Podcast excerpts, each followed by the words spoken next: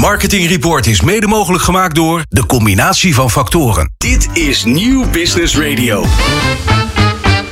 Marketeers vertellen hun beste verhalen hier in Marketing Report. Het programma over media, data, marketing, communicatie en technologie. Elke derde dinsdag van de maand van half zeven tot acht. Dit is Marketing Report, een initiatief van Mediabureau Zicht en Media Meetings. Met vandaag Ja, met vandaag eh, eh, Michael Verzelenwel de Wit Hamer. Merkverbeteraar bij eh, Revitalize. Tamara Couperus, oprichter van Crocodile. Brieke van Balen, zij is Marketing en Innovation Director Benelux bij Van Geloven. Marjolein Vendrich, Marketing Director bij Bever. En natuurlijk Christian van Dijk van Zicht. Dit is Marketing Report op Nieuw Business Radio. Ja, en het is hartstikke fijn mensen, want eh, wij gaan vandaag beginnen met niemand minder dan Marjolein Vendrich. Zij is Marketing Director, zei ik net al, bij Bever. Welkom in de studio. Supergoed dat je er bent. Ehm, ja, we gaan het eh, hebben over Bever. We gaan het hebben over eh, mooie dingen die jullie maken. Maar eh, misschien het aardigste om jezelf heel even voor te stellen wie je bent en wat je doet. Zeker. Eh, ik ben Marjolein Vendrag. Ik ben eh, eindverantwoordelijk bij eh, Bever voor, voor marketing. Ik heb daarvoor een hele lange tijd bij de ANB gewerkt. in heel veel verschillende rollen. Altijd wel rondom CRM, marketing, communicatie. En ik denk eigenlijk alles wat daarin eh, de verbinding is, is een stuk veranderen en juist impact te maken vanuit, vanuit de klant. Daarvoor heb ik nog aan de bureauzijde gezeten. maar Oh, wat goed. dat mijn hart echt bij aan de adverteerderskant ligt. Ja, ja. Hey, en eh, nu zit je bij Bever. Prachtig merk. Schitterend merk. Ja, Ja. Heel trots om hier, eh, hier te voor mogen werken. En, en eh, hoe lang zit je al bij Bever? Ik zit eh, bijna 2,5 jaar bij Bever. Dus in 2020 gestart in maart. Hey, ik vind het interessant, want veel buitensport, mooie, mooie spullen maken jullie. En verkopen jullie. Jullie maken natuurlijk niet alles zelf. Ehm, maar ehm, is, is datgene wat jullie nou moeten doen, hè, wat jij moet doen als marketeer, is dat bij, bij, eh, bij Bever heel anders dan bijvoorbeeld bij een AWB? Nou, in basis eh, niet. Want ik denk eh, bij welk merk je ook, eh, ook werkt. Het gaat er ook geen heel erg om dat je gewoon heel scherp hebt. Wie ben je als eh, merk en hoe ga je dat ook uitdragen. En daar ook eh, eigenlijk alles op, eh, op eh, inrichten. Eh, tegelijkertijd zie je natuurlijk wel dat de activiteiten en de manier waarop je doet. Dat verschilt natuurlijk daarmee. Maar Mhm. eh, de, de hoofdrol eh, blijft hetzelfde. Waar sta je voor als merk? Wij staan als, eh, als merk echt als eh, de positie die wij echt innemen is, eh, is de buitenspecialist. Dus wat wij ook zien is dat dat ook onze unieke positie maakt. Nou, hoe zijn wij nou die buitenspecialist? Dat zit bij ons wel echt in de mensen die bij ons werken. En dat is van de winkels tot aan de inkopers tot aan de hele marketingafdeling. Daar zie je gewoon zoveel passie en liefde voor, Ja. voor buiten. Eh, en dat is natuurlijk heel mooi om te zien. Eh, enerzijds qua energie. Eh, aan de andere kant, wat je daar natuurlijk ook uithaalt, is, zijn er mooie verhalen over buiten. Waar we natuurlijk ook veel content over, over maken. Maar ik denk eigenlijk nog belangrijk, en dat maakt ons ook zo onderscheidend, dat juist doordat er zoveel ervaring in de organisatie zit, is dat wij gewoon heel goed weten wat je ook nodig hebt voor buiten. Ja. En dat maakt het wel echt, echt uniek. Ja. Hey, geef eens een voorbeeldje, want wat heb je nodig voor buiten? Nou, goede spullen in ieder geval. Ja. Eh, dus, eh, eh, en dat gaat natuurlijk, we zijn op verschillende activiteiten zijn wij, zijn wij aanwezig. Dus dat is van het wandelen, wat natuurlijk gewoon prima in, in Nederland kan, tot aan klimmen, tot aan bergwandelen, windsport, noem maar op. En uiteindelijk waar wij het meest sterk in zijn, is eigenlijk naar alle producten daaromheen. Dus eigenlijk van schoen tot broek tot jas.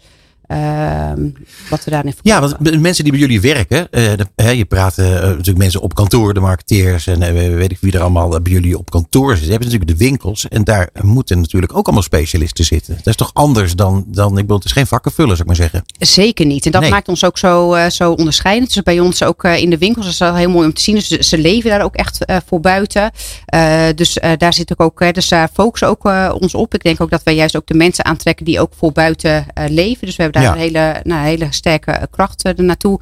En tegelijkertijd eh, werven we daar ook heel bewust op. Om ook wel echt te zorgen dat we ook het DNA waar we heel sterk in zijn. Dus echt, het gaat om de mensen die bij ons werken. eh, om dat ook echt binnen te houden, maar ook binnen te krijgen. Ja, zeg, en dan zie je over, eigenlijk over, over de volle breedte in, het, in onze economische situatie. Dat het heel erg moeilijk is om mensen te krijgen. Dat lijkt me bij jullie Ja. dan helemaal ingewikkeld, of niet? Vanwege die specialismes. Nou, tweeledig. Ook wij hebben echt te maken natuurlijk met personeelstekort in, de, in de winkels. tegelijkertijd zie je wel dat wij wel, wat ik net zei, ook van nature echt wel de mensen aantrekken die ook de liefde voor buiten hebben. En dan ons ook echt wel weer volker hebben bij ons te werken in vergelijking natuurlijk met andere banen die ze ook natuurlijk aan de lopende band nu aangeboden krijgen. Um, dus in zoverre is het ons geluk dat we daar zo specialistisch ook in zijn. En tegelijkertijd zien we natuurlijk ook echt dat de arbeidsmarkt gewoon heel erg aan het veranderen is. En dat wij natuurlijk ook alles op alles moeten zetten om de juiste mensen naar binnen te halen. Ja, ja goed. En dan uh, mensen naar binnen halen is natuurlijk ook uh, klanten binnenhalen. Ja. Uh, de nieuwste campagne. Vertel daar eens wat over. Ja, de nieuwste campagne die zit eh, bij ons eh, nu op uh, rondom Black Friday. Ja. Dus we hebben ook gezegd, juist ook als, dus wat ik net zei, onze liefde voor buiten, dat zit ook heel erg in de mensen en het juiste advies dat we heel goed weten wat je voor buiten nodig hebt. maar tegelijkertijd weten we daardoor ook dat we ook zorgvuldig moeten zijn voor buiten. Ja. En dat wij daar ook als retailer onze verantwoordelijkheid in moeten pakken. en dat we dus ook willen voorkomen dat de mensen maar blijven kopen terwijl ze het niet nodig hebben. Mm -hmm. dus wij hebben ook afgelopen jaar heel erg ingezet om juist ook klanten te inspireren en ook te helpen bij het stuk uh, onderhoud. Uh, maar ook het stuk repareren. Um, en dat gaan we ook juist doen op, uh, op eigenlijk de Black Friday. Dus wij noemen dat uh, For Future Fridays. Mm -hmm. en wat we er juist op die dag gaan doen, is niet mensen naar de winkel trekken om dingen te kopen. maar juist naar de winkel te komen voor het stuk onderhoud. dus we gaan daar met, alle, met alle winkels gratis schoenonderhoud doen. Maar ook alle mensen van het hoofdkantoor die daarin gaan, die getraind worden. die zijn toevallig vandaag allemaal door de training heen gegaan. En die dus gaan helpen bij het schoenonderhoud. maar we gaan ook gratis kleding repareren. Nou, ik vind het, ik vind het briljant. Ja. Serieus, omdat namelijk juist die, dat Black Friday is zo ontzettend consumeren, consumeren, consumeren. Ja. Uh, en dat past helemaal niet bij jullie. Dat past zeker niet bij ons. Nee, nee dus dat is ook. Uh... Hey, en zijn jullie daarmee dan de meest sustainable retailer? Nou, dat, zo zijn we wel uitgeroepen. Dus uh, wij hebben inderdaad. Uh, ja, hè? Uh, ja, vorige ja, ik maand. Zijn niet voor niks uit, natuurlijk. Nee, zeker niet voor niks. Nee, dus daar zijn we ook echt heel trots op. Dus we zijn vorige maand uitgeroepen tot de meest sustainable retailer of the year. Precies, gefeliciteerd. Ja, dan. Ja, jullie keken op die foto ook ontzettend blij, zag ik. Dat waren wij ook echt. En natuurlijk weet je dat je de goede kant op gaat. Ja. En tegelijkertijd hebben we ook niet gezegd het gaat altijd om die prijs. Maar juist hè, ook vanuit het geloof waarin we als hele, opera, of, hele organisatie op, op werken. Maar als je dan zo wordt beloond en ook wordt gezien van buitenaf, ja, dan is dat wel iets waar je heel trots op bent. Ja, en dat is een, een, een, eh, een, een, een team eh, effort, denk ik, of niet? Zeker. En uh, dat is denk ik wel het grootste verschil waardoor wij ook uh, hierop heel hard zijn gegaan. Ik denk ook al nu al die award hebben binnengehaald, is dat dit wel gewoon binnen de hele organisatie wordt opgepakt. Ja. En dat er ook heel veel energie op zit. Dat we ook daar echt wel de keuze hebben gemaakt om soms wel even out of the box te denken en gewoon op geloof ook te gaan, zonder een business case. Mm -hmm. uh, en oh, wat lekker. Ook, uh, ja, zeker. Dus een beetje buikgevoel is jullie niet vreemd, zeg maar.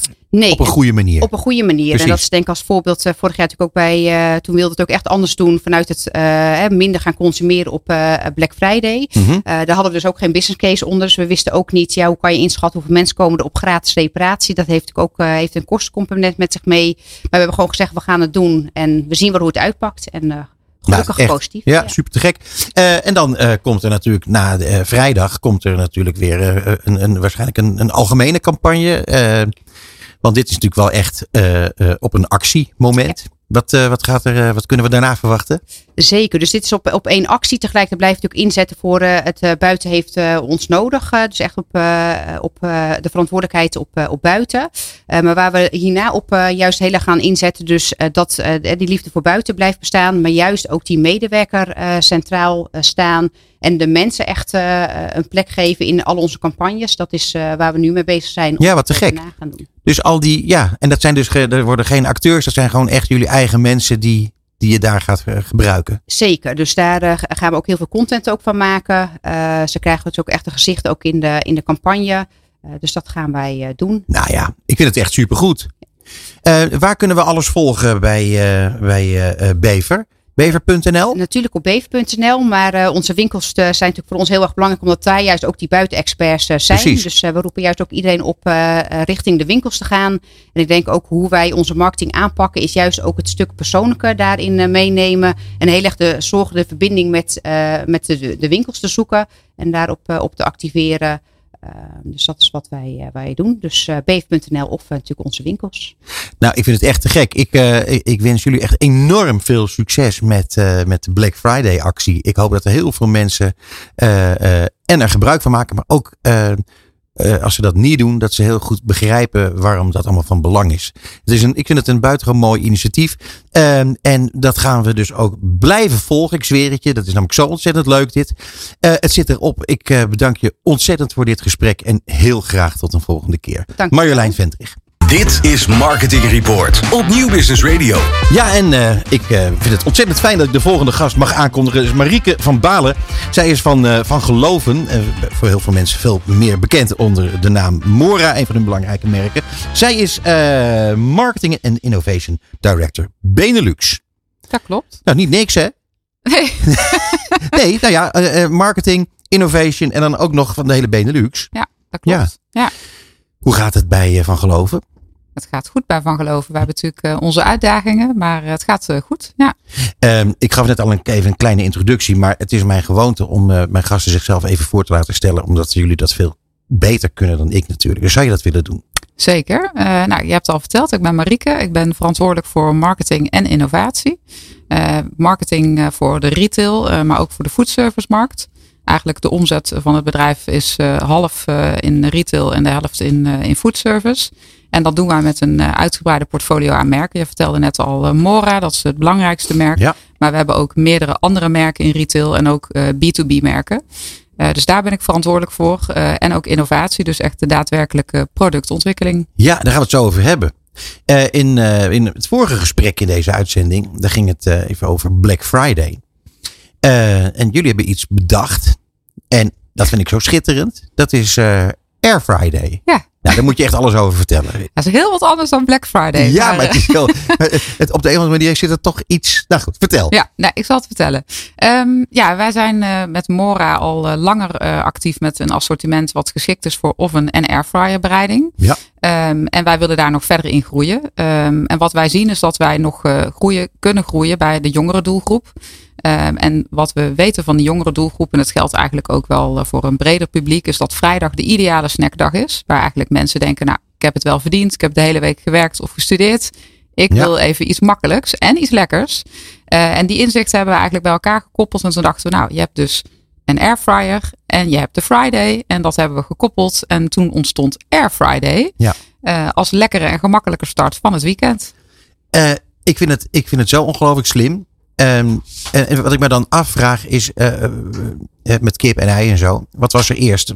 Jullie, jullie producten die in een, een machine konden. Die niet een oven is en ook niet een frituur. Of is er een, een, een, Philips of zo opgestaan en die zei we hebben nu iets bedacht en daar kunnen jullie ook garen bespinnen. Hoe werkt zoiets? Ja, het is eigenlijk denk ik redelijk gelijk met elkaar opgetrokken. Onze oorspronkelijke producten waren eigenlijk hè, voor de frituur. Toen hebben we gezegd van nou onze producten zijn nu ook geschikt voor bereiding in de oven. Dat was eigenlijk al een stuk gemak. Ja.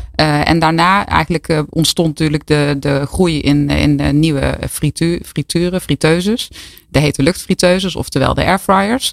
En ja, ik denk dat dat elkaar versterkt heeft. Dus wij hebben ons assortiment verder uitgebreid. Ja. En uh, wij werken ook samen met Philips. Uh, dus uh, ja, en zo zie je dat zo'n categorie heel hard is gegroeid. Er zijn nu eigenlijk onder de snackers in Nederland meer mensen die een airfryer in huis hebben dan een traditionele friteuse. Serieus? Ja. Ongelooflijk. Percentage gewijs, kun je er iets over zeggen? Ja, ja dat is uh, om precies te zijn 61% die nu een airfryer nee. bezit. En uh, 55% heeft een traditionele friteuse. In België uh, is ook eigenlijk die, die groei wel er voor airfryers. Maar daar is de traditionele frietpan nog wel ja, aanweziger. Dat lijkt mij eerlijk gezegd wel een beetje logisch in België.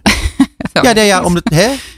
Nou ja, die staan toch heel ja. erg bekend om die frietkotten en ja, zo. Precies, dat snap wat je zegt. Ja, dat, cultuur daar toch? Zeker, ja, dat is echt cultureel erfgoed. Ja. En, uh, en dat vinden wij ook heel belangrijk. Dus wij zijn met ons merk Mora bijvoorbeeld ook, dat gaf ik in het begin al aan, actief in, in beide markten. Dus uh, dat is ook net zo lekker om op vrijdag te snacken uh, op die manier. Ja, en je zei net uh, food service en retail. Uh, twee, twee aparte takken van sport hebben natuurlijk wel uh, iets met elkaar te maken. Uh, maar hoe verhoudt zich dat tot elkaar? Nou, voor ons qua omzet is het dus gelijkwaardig. Dus okay. dat is denk ik wel anders dan bij veel andere fast movers. Um, dus bij ons is dat even belangrijk. En, en eh, hoe is dat dan gegaan tijdens de, de pandemie? Want eh, alles, alles eh, of, nou ja, voor heel veel partijen werd alles anders. Ja. Ehm, eh, dat moet voor jullie waarschijnlijk ook wel zo geweest zijn. Ja, zeker. Ja, dus daar hebben we natuurlijk wel gezien dat, eh, dat er wel bewegingen ontstonden. Hè. De- onder andere natuurlijk gedreven door eh, de lockdowns. Eh, dus daar heeft een tijd retail goed van kunnen profiteren. Nu zie je dat bijvoorbeeld foodservice weer eh, wat meer profiteert. Doordat natuurlijk nog meer bestedingen nu weer in de horeca zijn. Mhm. Eh, dus dat, eh, ja, dat varieert. En eh, daar proberen wij natuurlijk in mee te bewegen. Maar jullie hebben dus geen problemen gekend eigenlijk. Nou, ik denk dat alle bedrijven op dit moment wel problemen Ja, kennen. nee, maar ik bedoel eh, tijdens de pandemie. Eh, nou ja, ik denk ving dat het een ons- het ander een beetje op. Ja, dat is denk ik wel eh, bij ons bedrijf eh, een, ja, dat is wel een voordeel. Ja, nou ja, dat is, als marketeer is dat natuurlijk ook lekker. Dat je in elk geval dan een focus kunt verleggen een beetje. Ja, ja. Lijkt mij. Ja, zeker. Ja, en dat is natuurlijk ook wat je als marketeer altijd moet doen. Hè? Dus waar is de consument, waar is de shopper? En daar ook je campagneplanning op, op afstemmen. Ja. En de juiste innovaties bedenken. En ik wil nog even terug naar die Air Friday. Want hoe ziet zo'n campagne eruit? Hoe, Nou. hoe, doe je dat? Ja, hoe doe je dat? Nou, we hebben net eh, de kick-off gehad. Dus eigenlijk eh, een maand geleden zijn we van start gegaan. Dat is een campagne die zowel in eh, Nederland als in België is gestart. Daarbij brengen we eigenlijk het hele oven airfryer assortiment onder de aandacht. En proberen we vooral echt bekendheid te creëren van hè, wat is eh Air Friday. Ja. Dus die lekkere gemakkelijke start van het weekend met eh, Mora oven en airfryer producten. Eh, en nu gaan we, en dat hebben we natuurlijk ook in meerdere media. Dus we hebben dat op tv, op de radio, ook eh, social media. En eh, nu gaan we doorpakken. Dus de, ja, eigenlijk is het een lange termijn platform. Dus er zullen nog veel campagnes gaan volgen. Ja. Nou ja, ik vind het wel echt te gek. hey, en dan eh, zag ik eh Face DJ Ruud voorbij komen. Wat, Ja. waar, waar- waar gebruik je die voor? Ja, die was ik vergeten te vertellen. ja. ja, dus onze Cora, wel bekend bij iedereen, is nu een gelegenheidsduo voor de campagne met Face DJ Ruud. Eh, ja, DJ Ruud is heel gekend onder de jongere doelgroep, Ja. waar we natuurlijk deze campagne ook eh, meer op eh, gericht hebben. En nou ja, samen kunnen zij een heel leuk feestje bouwen. En Ja. daar, daar worden mensen over het algemeen heel blij van. Ja, ja, Ja. ja, ontzettend grappig. Ehm, ja, en eh, als je nou kijkt, eh, we hadden, hebben het gehad over, eh, in een voorgesprek even over eh, een frikandellencrisis en van dat soort zaken. Ja. Ehm, is dat ook allemaal aan jullie voorbij gaan of was dat wel juist een dingetje voor jullie? Nou, daar kijken wij natuurlijk wel heel serieus naar. Ja. Dus ik denk dat op dit moment, dat, ik zei daar net ook al iets over, de meeste bedrijven hebben nu natuurlijk wel uitdagingen in de markt. Mhm. En dat proberen wij zo goed mogelijk op te vangen, zo goed mogelijk ja, naar onze klanten en consumenten te luisteren. Ja. Dus dat. Hey, en eh, wat gaat er nu eh, in, de naaste, ja, in de nabije toekomst denk je gebeuren? Want eh, je ziet natuurlijk dat, dat gemak, hè, dat, waar, waar jullie dus eigenlijk heel erg op, op inspelen. Ja. Ik denk dat dat steeds belangrijker wordt. Is dat ook zo eigenlijk? Want jullie is onderzoeken dat, zo. Ja, dat is zeker zo. Dus wij doen inderdaad veel onderzoek. Ik denk dat gemak zeker een belangrijke drijfveer is. Maar eh, smaak is altijd het allerbelangrijkste. En daar hebben wij nog eh, heel veel leuke productideeën voor. We hebben ook een grote eh, focus op ons vegetarisch assortiment. We hebben natuurlijk veel kaasproducten. Maar Ja. ook bijvoorbeeld groenten of echt nieuwe vegan concepten gaan er aankomen. En wij kijken ook hoe we kunnen bijvoorbeeld nieuwe eh, ja, snack consumptiemomenten eigenlijk vinden. En die... die uitnutten. Dus daar gaan ook nog eh, heel veel eh, mooie innovaties volgen. Te gek. En wanneer kunnen we de nieuwste dingen verwachten? Die, eh, want daar krijgen we natuurlijk weer nieuwe Ja. campagnes bij en zo. Zeker weten. Nou ja, Air Friday gaat nog even door met eigenlijk de support van ons huidige assortiment. Ja, En vanaf, daar kan ik wel kort iets over zeggen. ja Vanaf op. ja, het tweede kwartaal volgend jaar komen we met een grote nieuwe innovatie. Oké. Dus, en dat, daar ga je nog niks over zeggen, maar dat Nee, heeft iets te maken nee. met vegetarisch. ja, ja, Dat dan wel. Ja. Ja, te gek. Nou ja, daar, daar wil ik dan ook nog iets over vragen. Want nee, maar ik bedoel, uiteindelijk zijn jullie, denk ik, is, is jullie basis altijd eh, vlees geweest. Ja. Ehm, en dan ontstaat er in de markt iets dat men steeds meer mensen het belangrijk vinden om meer groente te eten en minder vlees te gebruiken. Om wat voor reden dan ook trouwens. Eh, hoe lang is dat al bij jullie gaande? Of hoe lang weet je al dat je daar iets mee moet? Nou, wij zijn daar eigenlijk heel lang mee bezig. Mora heeft bijvoorbeeld ook een assortiment samen met de vegetarische slagen. Dat staat Oh, al jaren in de markt. Dat breiden we steeds verder uit. En onze strategie vanuit het bedrijf is ook om in 2025 de helft van de omzet vleesloos te hebben. Wat wij zien is dat er inderdaad steeds meer flexitariërs zijn. En Ja. wij willen daar goede, lekkere producten voor aanbieden. Op basis van kaas of groenten of wat het ook mogen zijn. Wij zijn eigenlijk ooit begonnen met eigenlijk het namaken van, eh, van vlees. eh, met vleesanalogen zoals wij dat dan noemen. Een soort van vleeskopie. Ja. Maar nu kijken we veel breder van hoe kunnen we gewoon hele lekkere snacks aanbieden. Die eigenlijk niet per se vlees als referentiepunt hebben. Precies, dat vind ik ook heel interessant. Ja, want dat die vegetarische slager is daar natuurlijk eigenlijk helemaal op geënt. Hè? Eh, vervanging. Maar Ja. dan wel met, wel, wel met gehakt en met kipstukjes en dat soort dingen. Ja. Interessant. En, eh, eh, 2025 zeg je, moet Ja. het 50-50 zijn. Ja. Interessant. Wil ik nog even graag weten, wat vind je zelf daarvan? Want ehm, eh, ik heb met de vegetarische slager bijvoorbeeld, hoe zeer ik het ook eh, interessant vind en hoe goed ook wat ze gedaan hebben en doen, vind ik toch eh, heel veel vleesvervangers eigenlijk niet zo heel erg, eh, niet zo lekker. Omdat die referentie eigenlijk niet goed is, vind Mhm. ik. Ja. Als, ik als die referentie niet was geweest, had ik misschien lekkerder gevonden. Snap Ja. je wel? Ja. Wat vind je er zelf van, van jullie eh groente dingetjes? Ja, ik, ja, ik vind zelf heel fijn om te kunnen variëren. Dus Ja. ik, ik denk dat ik zelf ook eh, zo'n flexitariër ben. Dus ik kan ook genieten van een stukje vlees. Of eh, nou, misschien eet ik nu ook wat vaker kip en vis. Maar ik vind het fijn om te variëren. En uiteindelijk denk ik dat, eh, omdat ik dat uit ervaring nu natuurlijk weet, dat wij Ja. hele lekkere snacks kunnen maken waar, echt geen, waar je geen vlees mist. Dus dat, dat is denk ik ook wat de maatschappij nodig heeft. Is het ook zo, want kijk, het, momenteel wordt alles duurder en duurder. Ehm, is het zo dat je als je dingen maakt met, met groenten, dat dat goedkoper is om te maken? En dat het dus interessanter is voor consumenten? Ja, ik weet niet hoor. Ehm, nou, hoeft niet per se, maar ook die markt is natuurlijk volop in beweging. Hè? Dus ik denk, eh, ja, we zien natuurlijk nu heel veel eh, in de markt eh, qua inflatie. En ik denk ook beschikbaarheid van vlees gaat misschien ook in de toekomst nog wel een effect op de prijs hebben. Ehm, dus dat, ja, dat, dat weet ik niet. Nee. Dat gaan we zien. Ja, nou ja, goed, maar jij weet wel welke innovatie eraan zit te Ja, komen. ja. Eh, en eh, gaan we daar stijl van achterover slaan? Waarschijnlijk wel vanwege de campagne. Ja, dat sowieso. Een hele leuke, gezellige campagne weer met Cora. Ja, nou, gaan we stijl van achterover slaan? Nee, dat denk ik niet. Ik denk dat het eigenlijk gewoon een lekker snackje is waarvan je denkt, nou, helemaal top. Kan ik optimaal van genieten. Ja, dat doe je goed. Leuk hoor. Ja, nou moet je horen Marieke. Je zal het niet geloven, maar het zit er alweer op. Ja. Ja, het is zo snel. verschrikkelijk. Ja, maar ehm, eh, jij komt nog wel een keertje, denk ik, vertellen over innovaties. Eh, er is veel eh, te doen in, in jouw markt, in, in, in jullie segment. Dus ik zou het heel erg leuk vinden. Voor nu in elk geval bedankt voor je komst naar de studio. Ja, Marieke van Balen, Marketing en Innovation Director Benelux bij Van Geloven. Dit is Nieuw Business Radio. Dit is Marketing Report op Nieuw Business Radio. Ja, we gaan het eh, tweede deel van de uitzending in. En in dit deel hebben wij onder andere te gast eh, Michael Vercelewel de Wit Hamer. Hij is van Revitalize. En Tamara Couperus van Crocodile. Maar we gaan beginnen met Christian van Dijk. Marketing Report. Zicht op media.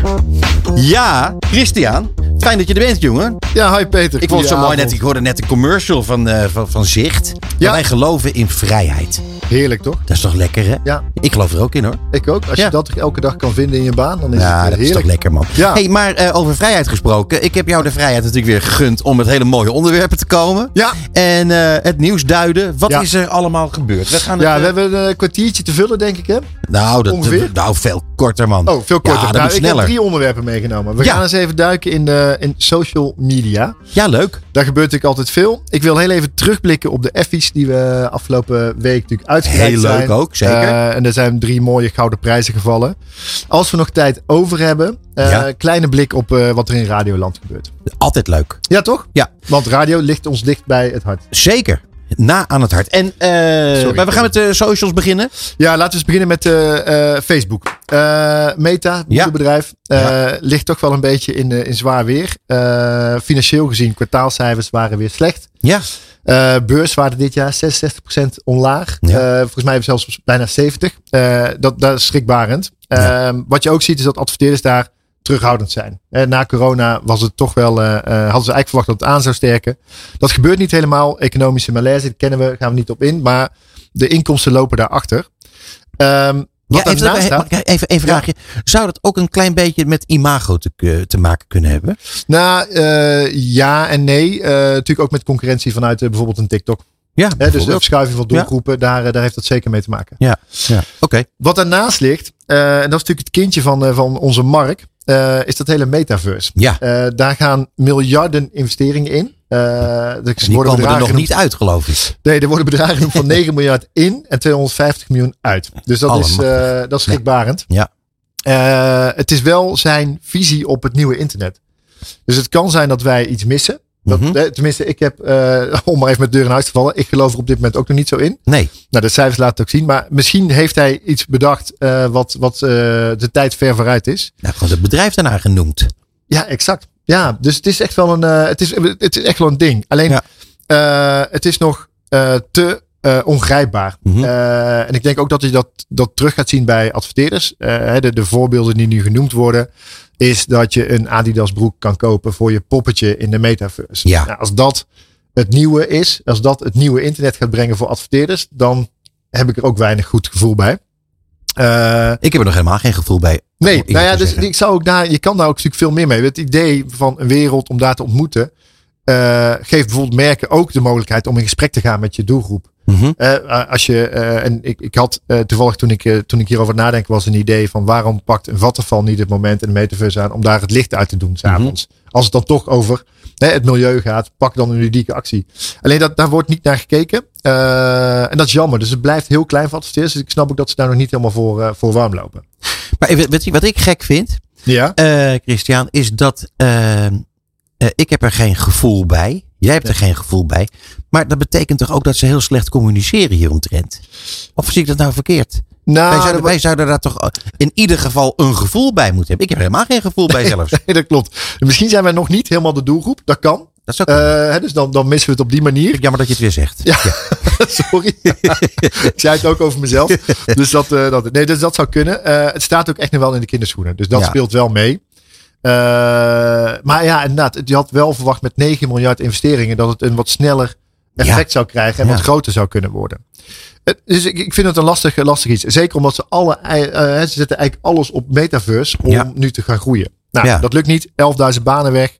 Eh, dat is 13% van het personeelsbestand. Nog niet helemaal duidelijk of dat in Nederland ook gaat gebeuren. Maar het is niet een. En misschien is het ook wel eh, verfrissend. Ja, het zou kunnen. Toch? Maar ik denk dat dit wel. eh, dit is echt uit noodzaak geboren. Eh, ja, ja. dus nee, maar als- ik bedoel, dit soort dingen die, die kunnen toch binnen een bedrijf. Kunnen, eh, weet je, als er even crisis is, eh, daar kun je ook, hè, never waste a good crisis. Daar Ja. kun je toch ook beter uitkomen. Klopt. Ja. Ja, maar Maar dit is wel heftig.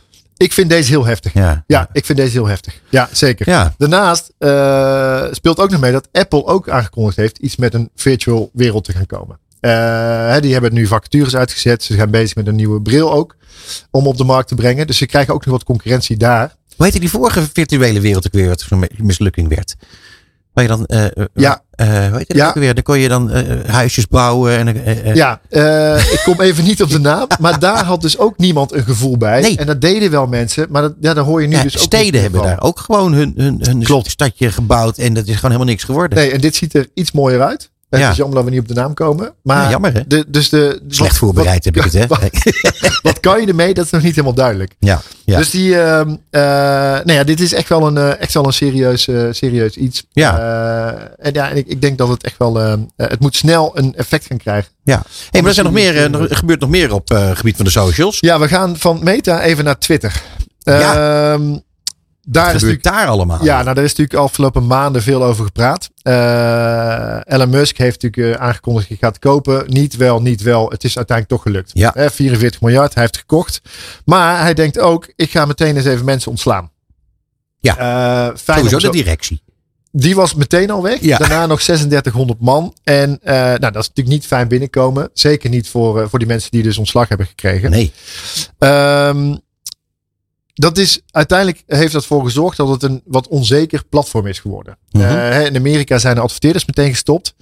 Eh, drie grote mediabureaus, ehm, hè, waaronder bijvoorbeeld Havas, die hebben ook gezegd van oké, wij adviseren onze klanten om te stoppen met of te pauzeren met advertenties op Twitter. En in Nederland zijn de grote adverteerders op Twitter, die hebben gezegd van nou, we kijken het wel aan, maar we nemen nog geen beslissingen. Maar terughoudend. Maar- dus dat is voor de maar waarom? kant omdat we niet weten wat er gebeurt met Twitter. En het gevaar is dus dat het een platform wordt waarin, hè, wat Elon Musk zegt, ik wil openheid. Mhm. Maar dat zorgt dus ook openheid voor fake nieuws. Ja. En eh, ik snap dat adverteerders daar voorzichtig mee zijn. Kijk, Ja. In Nederland zie je het nog niet helemaal gebeuren, in Amerika wel. Wat je namelijk ziet gebeuren, en dat is heel grappig. eh, nee, ik zeg het eigenlijk verkeerd. Het is eigenlijk helemaal niet grappig. Mhm. Ehm, hij heeft dat blauwe vinkje wat je achter je Ja. account krijgt, heeft hij nu betaald gemaakt. Ja, dus je kan, iedereen kan het kopen voor 8 dollar. Ja. Nou, die mensen die toezien op die veiligheid en de betrouwbaarheid van dat soort accounts, die zaten bij die 3500 die ontslagen zijn. Nee. Dus die kunnen het niet meer controleren. Nou, wat nu gebeurt, er zijn een paar uh, voorbeelden. En één daarvan vind ik grappig, daarom zei ik net ook grappig. Maar er is dus iemand die heeft een Pepsi-account aangemaakt met een blauw vinkje. Uh, en die zet daar dan heel leuk onder, Coke is better. ik hou daar wel van. Ja, is, het is grappig. Ja, ja. Uh, waar daarna ook iemand twitterde van nou, als duizend mensen dit leuk vinden, dan brengen we cocaïne terug in het recept van Coca-Cola. uh, ja, dit vind ik, dit is leuk. Dit is een beetje rivaliteit. Hier gaan de bedrijven ook niet heel veel last van hebben. Maar wat je wel ziet gebeuren, is dat uh, activisten, uh, maar misschien dus ook zelfs, hè, daar is de wereld ook gevaarlijk voor. Misschien zelfs ook terroristen die dit gaan gebruiken. Zeker. De impact van een tweet is heel groot. En wat nu gebeurt is, is dat er bij uh, Ellie Lilly, een farmaceutisch bedrijf die in Amerika heel groot is vanuit insuline, iemand een account aangemaakt heeft, blauw vinkje gekocht heeft voor 8 dollar, heeft gezegd dat insuline vanaf nu gratis is in die tweet. Oh ja. Dat is opgepakt en die beurswaarde is dus gezakt met 24 miljard. Zo. Door één tweet. En ik denk dat daar zit het gevaar. Dat, dat Elon Musk een platform heeft. Dat hij niet heeft uit kunnen dragen van oké, dit wordt mijn visie op het platform. Hij heeft dingen losgelaten die dus niet meer te controleren zijn Ja. vanuit free speech. Alleen de gevolgen zijn heel erg groot. Ja. Als je met één tweet een beurswaarde van 24 miljard omlaag kan brengen, dan, dan moet je daar echt heel voorzichtig mee zijn. Nou ja, het is Dus schande. kracht van zo'n tweet wisten we al. Ja. Hè, de, de impact ook bij verkiezingen, dat soort Zeker. zaken. Eh, maar die wordt nu echt heel duidelijk. Dus die is, eh, die is echt heel goed.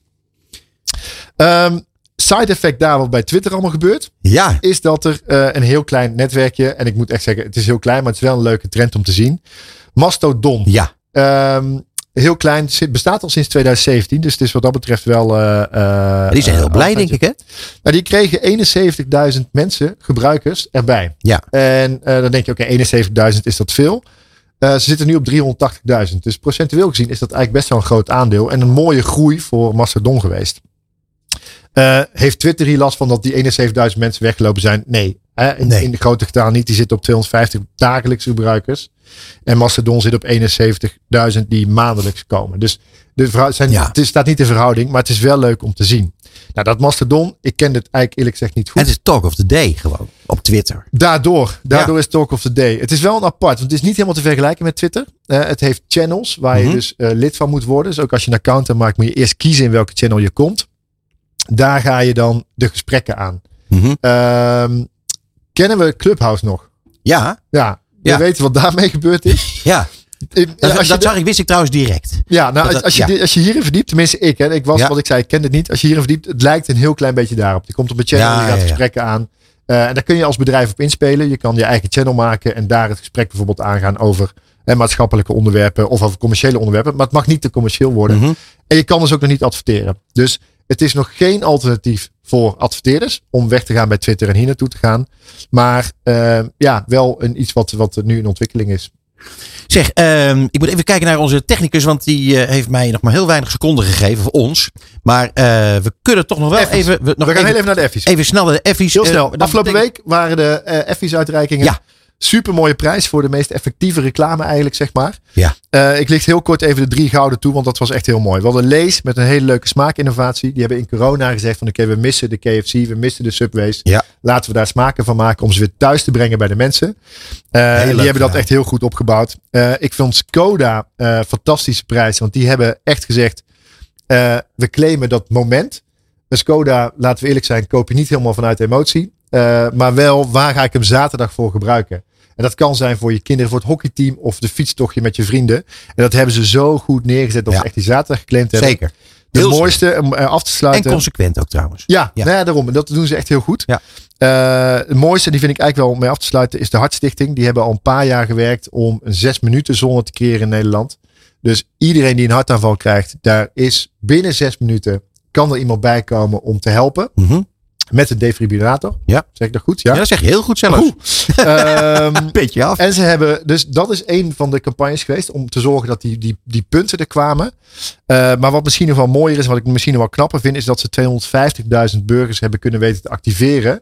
Die dus een app krijgen als er iemand in die zes minuten bij hun vandaan een hartaanval krijgt en een hulp nodig Ja, heeft. fantastisch. Dus eh, die zes minuten zone creëren, eh, die bewustwording creëren en die activatie daarin. Wat eigenlijk alle lagen van de, van de mediacampagne pakt. Ja. Ja, eh, echt terecht dat ze daar een, eh, een gouden Effie voor hebben gewonnen. Ja, Dus heel, heel mooi. leuk.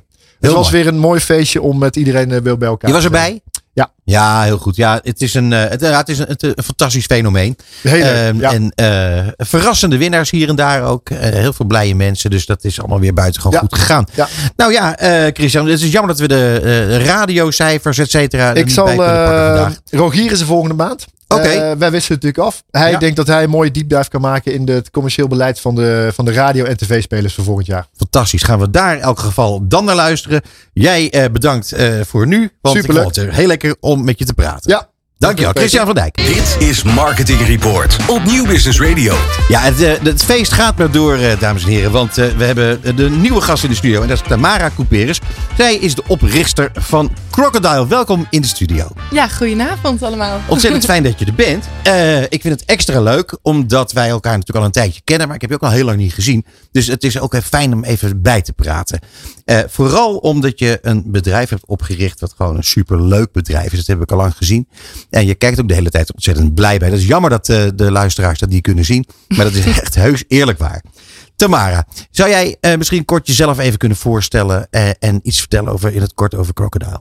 Ja, zeker. Ehm, mijn naam is uh, Tamara Couperus en ik uh, ben de oprichter van Crocodile Agency.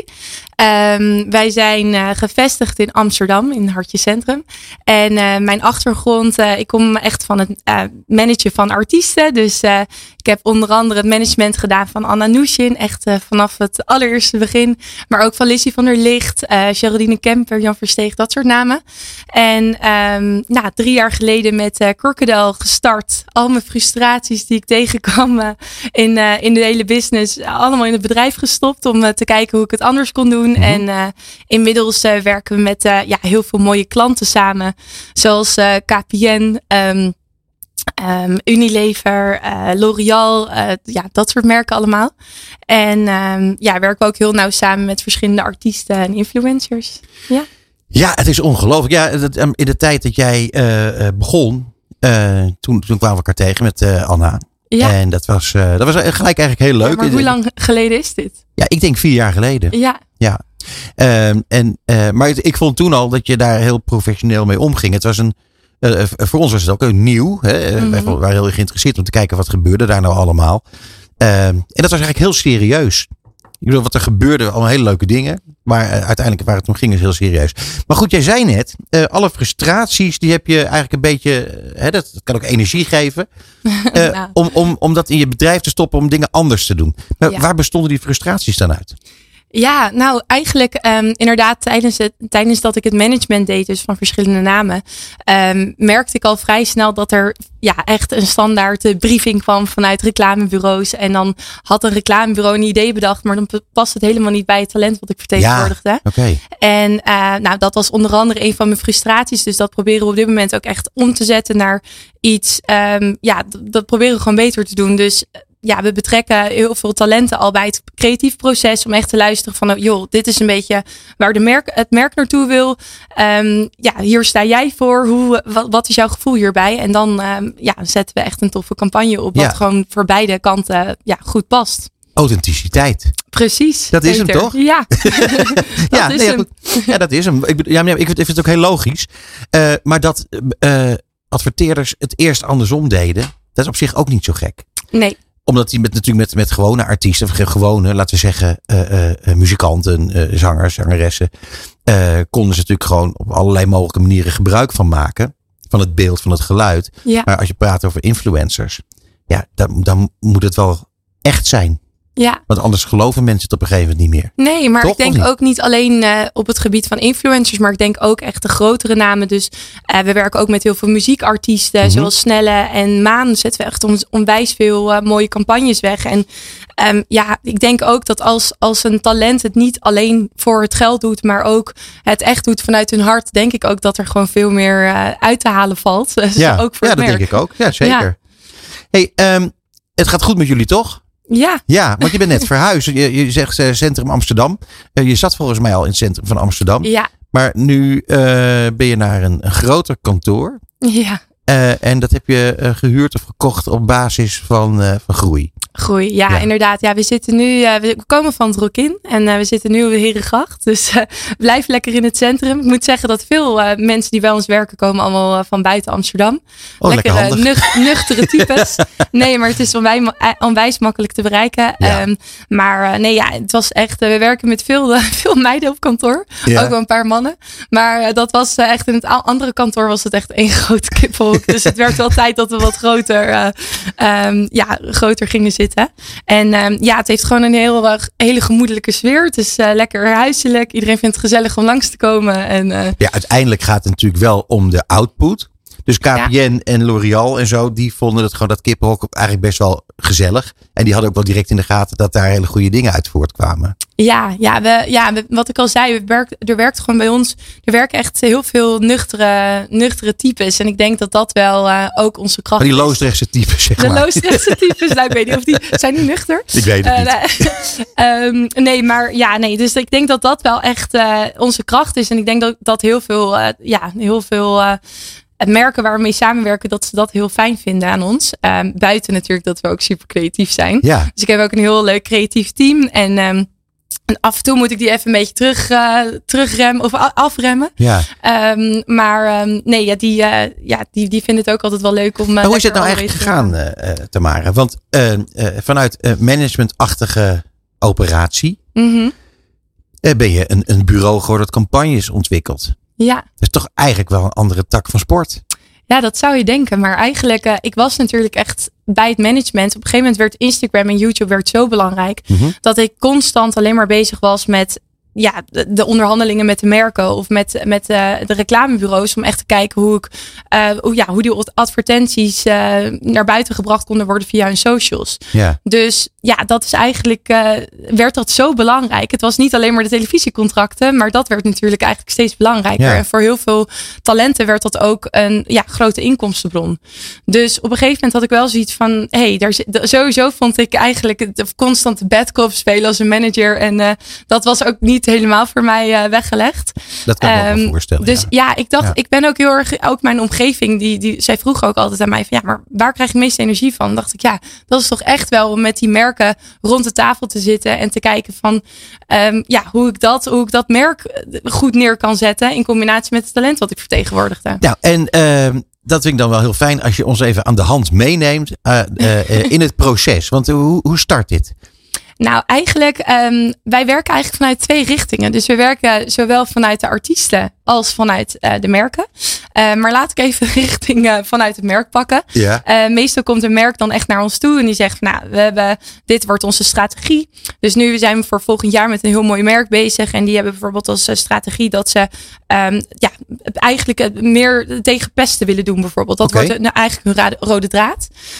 En dan gaan wij gewoon, dan luisteren we naar hun plannen en dan gaan we gewoon nadenken van, oké, maar wie past daarbij? Wie, wie heeft daar eventueel ook ervaring mee en wie kan dat verhaal ook goed naar buiten brengen? Ja. Nou, en mede doordat wij gewoon zo'n groot netwerk hebben in het artiestenlandschap en influencerlandschap, kunnen we die connectie heel goed maken. Dus we hebben ook echt een talententeam op kantoor zitten en zij eh, zijn constant bezig om te horen, oké, waar zijn die talenten mee bezig? Waar staan ze voor? Wie is er zwanger? Wie, eh, wie heeft er een hond? Zodat we gewoon constant Ja. die haakjes kunnen maken. En ik denk dat dat ehm, ja, veel, eh, we, daar, ja, we werken daardoor ook met heel veel reclamebureaus samen, omdat, die, omdat de reclamebureaus ook bijvoorbeeld die kennis niet in huis hebben. Ehm, en eh, ja, ik denk dat dat. eh, Hey, eh, Oké, dat, dat is, dat is die volgorde. ja, maar het kan ook nog andersom. Ja, het kan Ja. ook andersom. Dus ehm, nou, wij worden ook bijvoorbeeld door heel veel muziekartiesten worden we eh, aangehaakt om te luisteren van nou oké, waar, waar, wat wordt jouw eh, focus? Of wat wordt het thema van je album bijvoorbeeld? Nou, en dan, eh, we werken bijvoorbeeld heel nauw samen met, met de manager van, van Maan en Snelle. En dan weten we gewoon precies wat er op de planning staat. En kunnen we gewoon ja, tegelijkertijd die haakjes maken met de merken die we spreken. Snap je het nog? Ja, ik snap. Ja, nee, ik kan het wel volgen. Ik, nee, ik zat even na te denken. Misschien omdat ik, dat ik zo dom keek. Ik denk, snap je het misschien niet. Nee, ik zat namelijk intussen even na te denken. Dat, dat eh, eh, wat jij hebt gecreëerd voor jezelf. Dat is waarschijnlijk zo'n beetje de leukste baan die je kunt, eh, kunt hebben. Ja, voor mij wel, ja. Ja, ik denk dat heel veel mensen best jaloers op zullen zijn. Dat is natuurlijk superleuk. Ehm nog eventjes naar ehm, eh, jullie werken met een team van hoeveel mensen ongeveer? Ja, we zitten nu met 12 en eh, we gaan volgend jaar dus flink uitbreiden, omdat we al weten dat we bepaalde klanten krijgen. Ga je niks Eh, over zeggen nog? Ga ik nog niks over zeggen. Eh, nee, dus ben wel echt nu eh, aan. Daarom zijn we ook naar een groter pand gegaan, omdat we gewoon, eh, ja, we gaan echt flink opschalen. Ja, En ehm, ja, dus. oké. eh, Maar dan eh, komt het volgende. Eh, al die talenten, eh, die zitten daar niet bij. Misschien een enkeling. Dat die, ze, eh, maar, maar ik bedoel, waar haal je die allemaal vandaan? Is het zo dat je, dat je eh, eh, zijn die, al die talenten, heb je die exclusief? Of haal je uit, uit een hele grote pool? Hoe werkt dat? Ja, we hebben echt aan de Crocodile zijde hebben we eigenlijk een hele grote pool. Dus echt, we houden daar eigenlijk, we rapporteren alles wat we horen. Dus als inderdaad, als iemand zwanger is, dan rapporteren we dat in het systeem. Zodat Ja. we gewoon heel snel, snel die match kunnen maken. Eh, en aan de andere kant, ja, daar werken we wel wat, of tenminste exclusief wil ik niet zeggen, maar zijn we echt betrokken bij hun online groei op hun ka- kanalen en hun strategie. En daardoor zijn we gewoon veel nauwer betrokken bij die talenten. En dat zijn er denk ik op dit moment twaalf. Ehm, en, eh, maar in principe werken we allemaal non-exclusief, ja. Non-exclusief? Ja, Oké. Nou ja, dat is wel lekker. Eh, maar dat betekent dus ook dat, dat je mis kan grijpen. Hoezo? Nou, eh, omdat je namelijk, eh, als jij hebt bedacht eh, van nou die en die, dat- en dat talent bedoel ik, willen we voor deze campagne gebruiken, die is het meest geschikt daarvoor. Ja, dan kan het toch zijn dat die al door een concurrerend bureau is, is benaderd voor iets dergelijks of, of voor een heel ander merk, dat je dat niet lukt om die erbij te halen. Dat kan toch? Ehm, ja, maar gebeurt dat eigenlijk nooit? Nou, natuurlijk, het gebeurt. Er is, er is natuurlijk concurrentie. Maar ehm, ik denk wel dat mede door de, de kennis in huis weten we al meestal van oké, die werkt dan met dat merk samen. Ik denk dat daar ja, research vanuit ons wel heel belangrijk is. Ja, precies. Dus ja. als wij, eh, weet ik veel, eh eh, Heineken zie ik hier voor je neus staan. Als wij iemand aan Heineken gaan verbinden, dan doen we wel onze research om te kijken dat, dat niet iemand al met, met de concurrent heeft samengewerkt. ja, met dommels of zo. Of met, Precies, of Amstel. of- Ja. ja. Nee, dat moeten we niet hebben. Dus dat is wel aan ons om die research te doen. Ehm, en verder denk ik wel dat we ook heel veel kennis in huis hebben om gewoon wel die juiste match te kunnen maken. Ehm, en daarbij, ja, ik denk ook dat een talent zelf moet zeggen van joh, ik was, stond vorige week nog op de foto met dat merk. Dus deze week met Ja, een andere merk natuurlijk. lijkt me niet zo handig. Nee, dat voor hun eigen ik. imago. Nee, oké, dat begrijp ik. Nee, maar ik, ik zat me dat af te vragen, omdat je je, je eh, natuurlijk voorstellen eh, bedenkt en maakt die heel erg passen bij die ene persoon. Ja, die moet dan wel eh, beschikbaar zijn. Maar goed, Ja. jullie weten heel erg veel van al die mensen. Ja, Ja, wij weten bijna alles. Ja. ja, en dan weet je ook nog heel, van, heel veel van muzikanten. Ja, Want eh, dat zijn natuurlijk ook talenten, maar er zijn andere soorten talenten, denk ik, dan, dan, eh, ja, dan, dan laten we zeggen influencers en zo. Ja, wat echt heel erg leuk is om met, ja, eigenlijk naast influencers ook met dat soort talenten te werken. Dus we werken ook bijvoorbeeld met sporters, niet alleen muziekartiesten, maar ook ja, sporters, ehm, gamers. Wat heel erg leuk daaraan is, is dat zij gewoon echt een, ja, een passie hebben voor iets anders. Dus het is niet dat alleen maar die sales draaien non-stop op hun Instagram is niet het belangrijkste. Mhm. Dus ja, dan soms dan heb ik wel eens een hele mooie deal voor een, een hartstikke leuke artiest. Maar die zegt, ja, maar sorry, maar ik voel dat gewoon niet. Terwijl het gaat soms om heel veel geld. Maar omdat, ja, zij hebben gewoon een, een geldstroom hebben ze al natuurlijk. Dus Ja. dat, is, dat is ook wel weer extra fijn. Want dan weet, weet je gewoon zeker dat ze het echt vanuit hun hart doen. Ja. Het, het, ehm, eh, eh, ja, het laatste wat ik eigenlijk aan je wil vragen is: eh, wat, eh, hoe, gaat, hoe gaat jullie bedrijf zich ontwikkelen en hoe is jullie tak van sport? Hoe, hoe ontwikkelt die zich, denk je, in de komende tijd? Want er is natuurlijk heel veel te doen op dit gebied. Ja, er is ontzettend veel te doen. Ehm, ja, veel vragen in één. Ik, eh, nee, ik denk dat het, ehm, ja, hoe ontwikkelt het bedrijf zich? Ik, eh, ja, ik heb natuurlijk gewoon internationale plannen ook. Dus we zijn sowieso nu al eh, Benelux. Zeg nu pas? Ja, zeg, ja, zeg ik nu pas. Nee, ehm, ja, we, ja, we zijn nu al actief in de Benelux. En we zijn zelfs ehm, al campagnes in Frankrijk aan het draaien.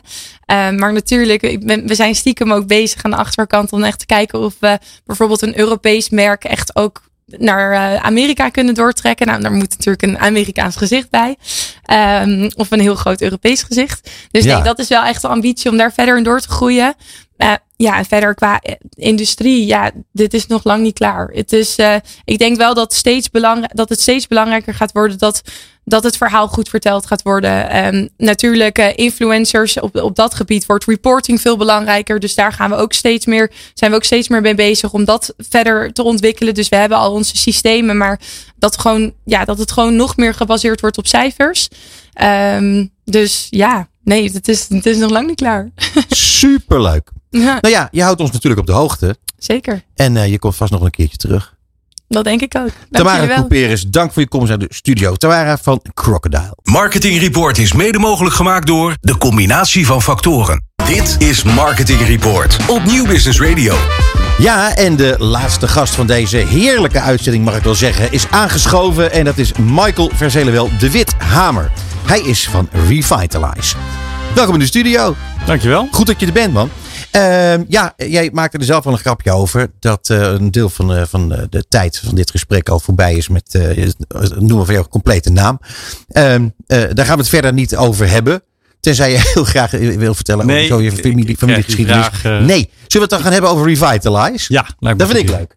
Um, ja, zou je misschien heel kort even iets over jezelf kunnen zeggen en, en, en over Revitalize? Ja, zeker. Ja, ik, uh, inderdaad. Revitalize is uh, het bureau wat ik vijf jaar geleden ben begonnen.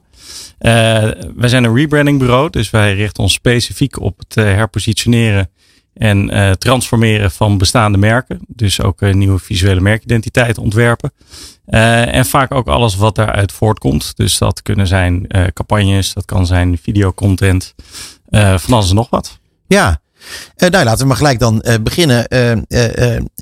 Ja, je zoekt natuurlijk uh, als je uh, vijf jaar geleden je nieuwe bureau gaat beginnen. Dan zoek je toch naar een niche in de markt misschien. Of je, in elk geval ga je iets doen wat, wat je enigszins onderscheidt van anderen.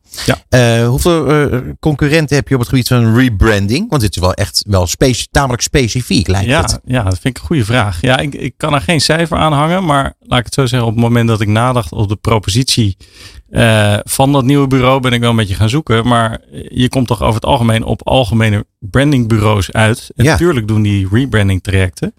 Uh, maar vijf jaar geleden vond ik daar geen specialist in. Nee, Uh, en ik weet niet of die er nog steeds zijn. Ik zoek ze niet meer, laat ik het zo zeggen. nee, dat begrijp ik. Want, want we zijn er al.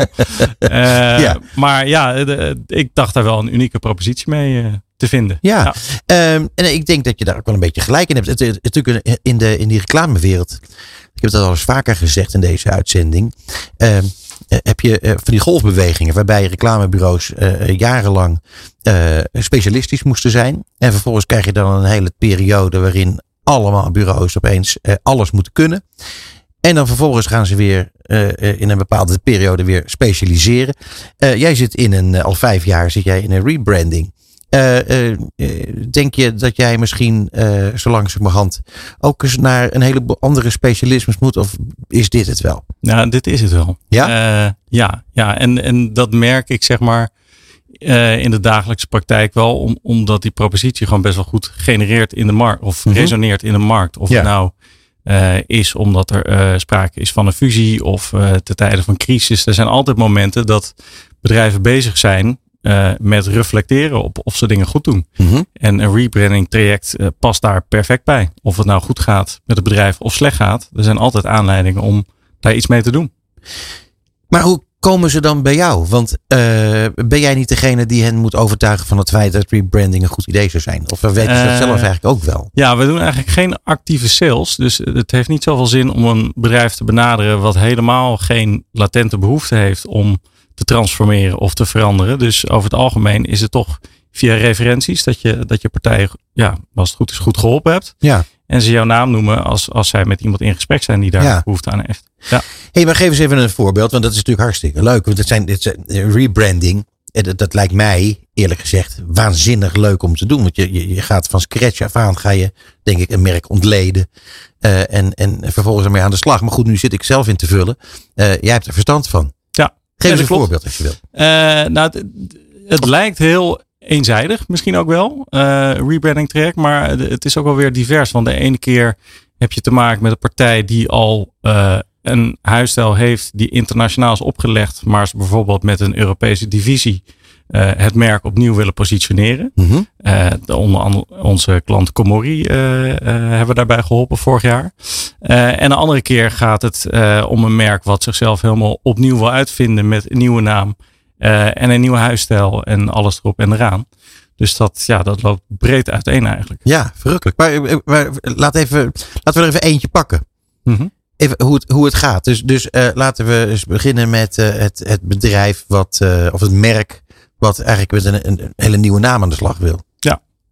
Eh, even kijken. Eh, welke we kunnen daarvoor nemen? Nou, bijvoorbeeld vorig jaar hebben we voor een partij Microbe en Lab gewerkt. Eh, en die hadden een aantal divisies. Ja. En die wilden die divisies als afzonderlijke merken ook in de markt gaan zetten. Een daarvan ging over gezondheidstesten voor thuis. Daar hebben we dan inderdaad een volledig nieuwe naam voor bedacht. Eh, dat is een heel traject wat je aangaat met alle stakeholders die erbij betrokken zijn. Dus dat was de directie, eh, dat was middenmanagement eh, en mensen daaromheen. Dus ja, je gaat een strategisch traject in om eerst te praten over de essentie van het merk. Dus je gaat op zoek naar wat is dan ja, de kern van wat wij wi- willen zijn en voor Mhm. wie en hoe gaan we dat formuleren. Eh, daar komt vervolgens ook nog een naam uit en een merkbelofte en een Ja. merkverhaal. En als dat allemaal staat, dan ga je kijken, oké, hoe gaan we dat dan vormgeven? Dus hoe gaan we dat een gezicht geven? En eh, ja, je hebt het nu over een nieuwe naam, want dit is dan eigenlijk een nieuw merk wat we Ja. hebben ontwikkeld. Maar er zijn ook partijen die inderdaad aan nieuwe namen helpt. Als, er- maar dat gebeurt vaker als er sprake is van een fusie bijvoorbeeld. Oh ja. Dus als er meerdere partijen samen gaan, gaan dan ga je een naam veranderen. Hey, maar je hebt een, eh, volgens mij heb je een goede keuze gemaakt. Want eh, eh, je hebt iets bedacht. Dat ga ik doen. Vijf jaar later zit je in elk geval hier. En dat betekent dat het voorspoedig lijkt te gaan met Revitalize. Ja, dat Ja. hoef ik wel zeggen. Ja, Ja. hoeveel mensen werken jullie intussen? We zitten met vieren. Wat lekker. Ja, ja. Oh, dat is lekker mean. Ja, dat is lekker overzichtelijk. Oh, dat is leuk trouwens. Dat is de naam van mijn holding BV. Army. nee, inderdaad. eh, eh, bewuste keuze geweest. Eh, ik heb hiervoor ook bij andere bureaus gewerkt. ook mede-eigenaar geweest. En, en ook gezien hoe je bij eh, ja, bepaalde omvang bureau, hoe de dynamiek verandert. eh, en het wat meer overlegcultuur wordt. Dus toen ik voor mezelf begon, vijf jaar geleden, dat was eerst in mijn eentje. Toen heb ik ook wel bewust ervoor gekozen om het bureau niet te groot te laten worden. Mhm. Dus ik durf het ook wel een boutiquebureau te noemen. Ja, en ik wil dat ja. graag de komende jaren ook nog blijven doen. Dus eh, hopelijk lukt dat. Grappig. Ik heb het zien staan, boutique bureau. En ik heb het gek genoeg niet genoteerd. Eh, want eigenlijk vind ik dat heel leuk, boutique bureau. Ehm, want dat, eh, dat zegt inderdaad wel iets over wat voor soort bureau je dan bent. Eh, is het zo dat jullie dan ehm, een, een, een heel groot team om je heen eh, hebben verzameld? die, die allerlei specialismes hebben waar het gaat om ja, echt design, Ja, commercials dat zijn- maken? Of hoe, hoe Ja, werken dat- jullie? Dat zijn meer eh, zeg maar de randactiviteiten die je niet op wekelijkse basis doet. Dus ons kernteam van vier mensen dat werkt aan strategie en aan design. Eh, en op het moment dat wij ook eh, helpen bijvoorbeeld bij websites of bij animatievideo's of bij campagnes, dan betrekken we daar inderdaad mensen uit ons netwerk bij. Ja. Klopt. Of is het ook zo dat je met andere bureaus samenwerkt, bijvoorbeeld? Van, Ja. van klanten? Gebeurt ook wel. Ja, zeker. Ja, het is toch eigenlijk een rare wereld. Ik bedoel, het is vaak eh, eh, exclusief met bureaus werken, maar waar die dan eh, specialisme gaan inhuren. Ja. Maar bij jullie werkt het toch eigenlijk wel een beetje anders. Ehm, wat is nou de, de, een van de belangrijkste learnings van de afgelopen vijf jaar? Poeh, learnings is, ja, ik denk de belangrijkste is dat je enthousiasme moet houden en positief moet blijven. En wat ik merk wel als ondernemer, als jij dingen in gang probeert te zetten, dan gebeurt er ook wat. Je, Ja. je kan niet gaan zitten wachten op, op, op werk. Eh, dus ja, get out there. Ja. zeggen. Hey, eh, get out there. En ehm, eh, dat doe je dan op een goede manier. Klanten kiezen voor jullie. Ehm, eh, hoe, waarom doen ze dat? Dat is een beetje een algemene vraag misschien. Maar ehm, omdat jullie toch in een, in een niche zitten. Ehm, zou je kunnen denken van ja, v- grote bedrijven, grote merken eh, of kleinere merken zijn allemaal belangrijk. Eh, en ze vinden zichzelf vanzelfsprekend belangrijk. Dus die maken duidelijke keuzes. Eh, en ze komen dan bij jullie. Ja. In plaats van bij een groot gerenommeerd bureau wat wereldwijd werkt Ja. of zo. Klopt. Ehm, Vertel eens, hoe, hoe, hoe, hoe werkt dat? Hoe, hoe krijgen jullie dat voor elkaar? Ja, kijk, uiteindelijk is het toch ook wel mensenwerk wat we doen. Mhm. Eh, eh, want alleen met goede samenwerking kom je tot een goed resultaat bij een rebranding traject. En ik denk daarom ook wat ik al eerder zei. ik, eh, ja, de meeste klanten die we krijgen is toch vanuit referenties. Ja. En ja, als je goed werk levert, dan vertellen die mensen daarover. En uiteindelijk waar wij dan goed in zijn, of denk ik wel in uitblinken, dat is het gewoon snel tot de kern kunnen komen van een merk. En dat op een juiste manier doen, waarbij je de, de juiste mensen betrekt, draagvlak creëert. Dus ik denk uiteindelijk dat ja, een goed, pro- of goed traject bij ons dat bestaat voor 50% uit een goed proces. Ja, En voor 50% uit een mooi en zinnig resultaat waar iedereen zich in kan vinden. Eh, en dan het hele creatieve stuk. Eh, hoe, hoe, hoe gaat het in zijn werk? Eh, Hoe werkt het, eh, laten we zeggen, in volgorde? Kijk, iedereen komt een ander probleem aanzetten. Eh, nou, de, de- Of niet? Kijk, de problemen zijn eh, altijd wel vergelijkbaar. Eh, het is of een partij die wil eh, eh, verbreden in dienstverlening en moet Mhm. daarom zijn merk veranderen. Of ze willen internationaliseren. Of er is een fusie. Dus er is altijd sprake van een gewenste verandering. Nog sterker, vaak is er sprake van een groeiwens. Eh, en dat pakken we dus in eerste instantie aan door te gaan praten over die strategie. Eh, eigenlijk heb ik dit proces daar straks al een Ja, beetje ja. geschetst. Dus het begint met de strategie. En als dat staat, dan ga je pas aan de slag met zo'n redesign van de merkidentiteit. Mhm. Ja, nou, ik, ik vraag het daarom omdat ehm, partijen kunnen komen met een, een wens, hè, eh, Ja. eh, groei, wat je net aangaf, dat soort zaken. Maar mensen kunnen ook komen met een probleem. Toch? Ik bedoel, eh, eh, als het niet lekker loopt met je merk of eh, eh, ja, er kan van alles aan de hand zijn. Ja. Komen die ook bij jullie? Ja, We maken ook niet zoveel ons. mee. Nee, die komen ook bij ons. Maar de, eh, eh, en dan hangt het er vanaf of onderdelen van onze diensten of die passen bij het oplossen van die problemen. Mhm. En het komt ook wel eens voor dat we partijen eh, doorverwijzen naar andere bureaus. Want ja, uiteindelijk wij hebben een heel specifiek specialisme. Eh, en daar kunnen we goed mee helpen. Maar als het daarbuiten valt, dan Ja, nee, akkoord. Je wilt natuurlijk gewoon altijd kwaliteit leveren. Ja. Ehm, eh, hoe ziet de toekomst van je bureau eruit?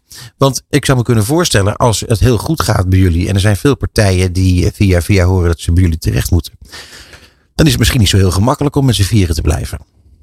Nee, klopt. Ja, dan moet je op een gegeven moment nee gaan verkopen. Ja, maar wil je Nee. dat ook?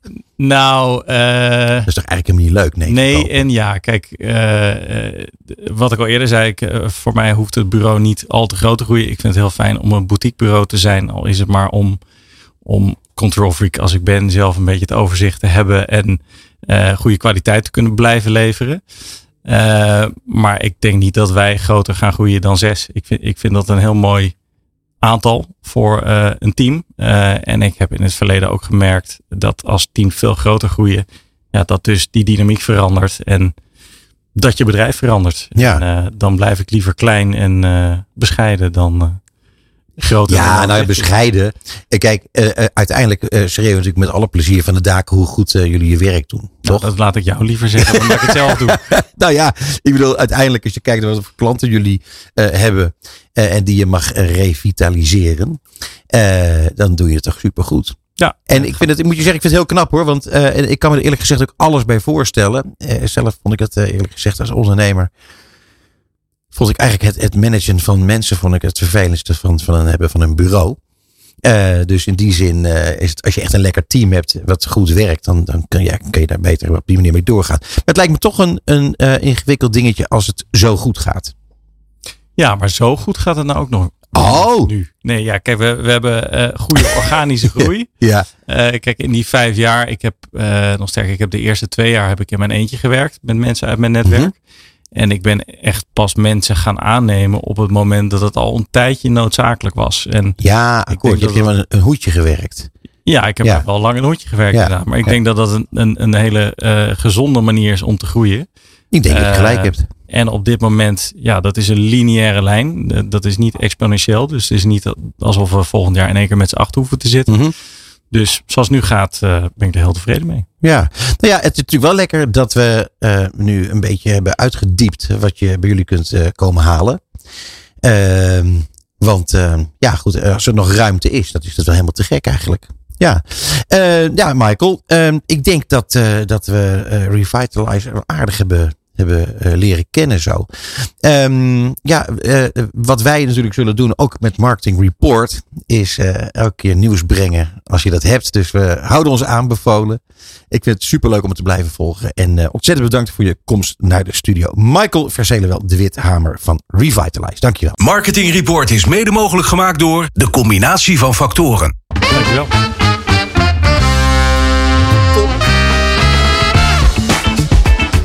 Ja, en dat was weer een verrukkelijke uitzending. Ik kan niet anders zeggen. Uh, ik wil om te beginnen even uh, zeer hartelijk bedanken. Ron Lemmens. Ron, wat heb je het weer fantastisch gedaan, man. Heerlijk om jou hier weer tegenover me te hebben in de studio. Uh, natuurlijk Christian van Dijk van Zicht. Marjolein Vendrig was bij ons de gast. Marieke van Balen. Tamara Couperus zojuist nog. En uh, Michael. Nogmaals bedankt iedereen. Het was een uh, verrukkelijke uitzending. Ik moet wel zeggen dat het ongelooflijk jammer is dat uh, mijn collega Bas Vlucht er niet bij is. Die uh, zou er vandaag wel zijn. Maar goed, dat, ja, dat kan soms eens gebeuren dat hij dan even niet is op komende dagen. vanaf hier in elk geval Bas tot Gouwman en alle luisteraars heel graag tot een volgende keer. Tot zover Marketing Report op New Business Radio. Alle gesprekken zijn terug te luisteren via podcastkanalen als Spotify, Duke of Apple Podcasts. Komende maand zijn we er weer op de derde dinsdag van de maand tussen half zeven en acht uur. Tot dan.